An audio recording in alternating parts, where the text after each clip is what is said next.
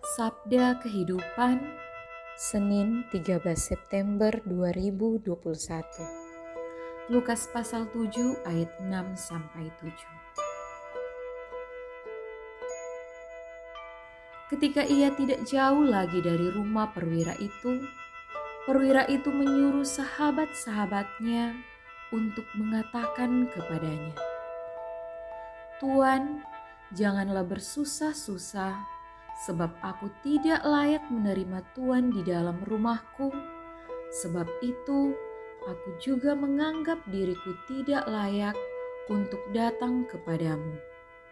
Tetapi katakan saja sepatah kata, maka hambaku itu akan sembuh.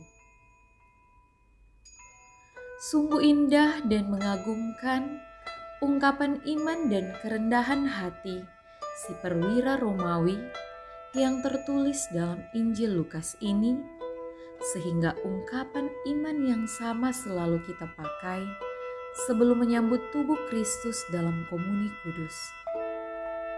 Ya Tuhan, saya tidak pantas Tuhan datang kepada saya, tetapi bersabdalah saja, maka saya akan sembuh. Mari kita belajar dari si perwira Romawi yang sungguh yakin bahwa Yesus sanggup menyembuhkan hambanya hanya dengan sepatah kata saja. Sebagai seorang perwira, ia sangat paham arti dan wibawa perintah atau perkataan seorang komandan pada bawahannya.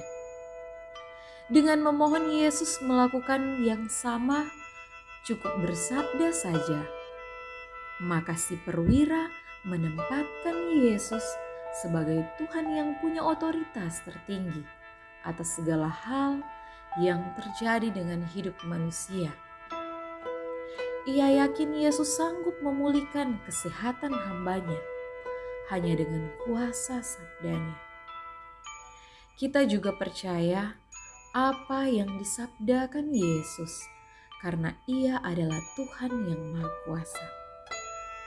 Ia sanggup mengatasi semua persoalan hidup kita dan memulihkan nasib orang percaya.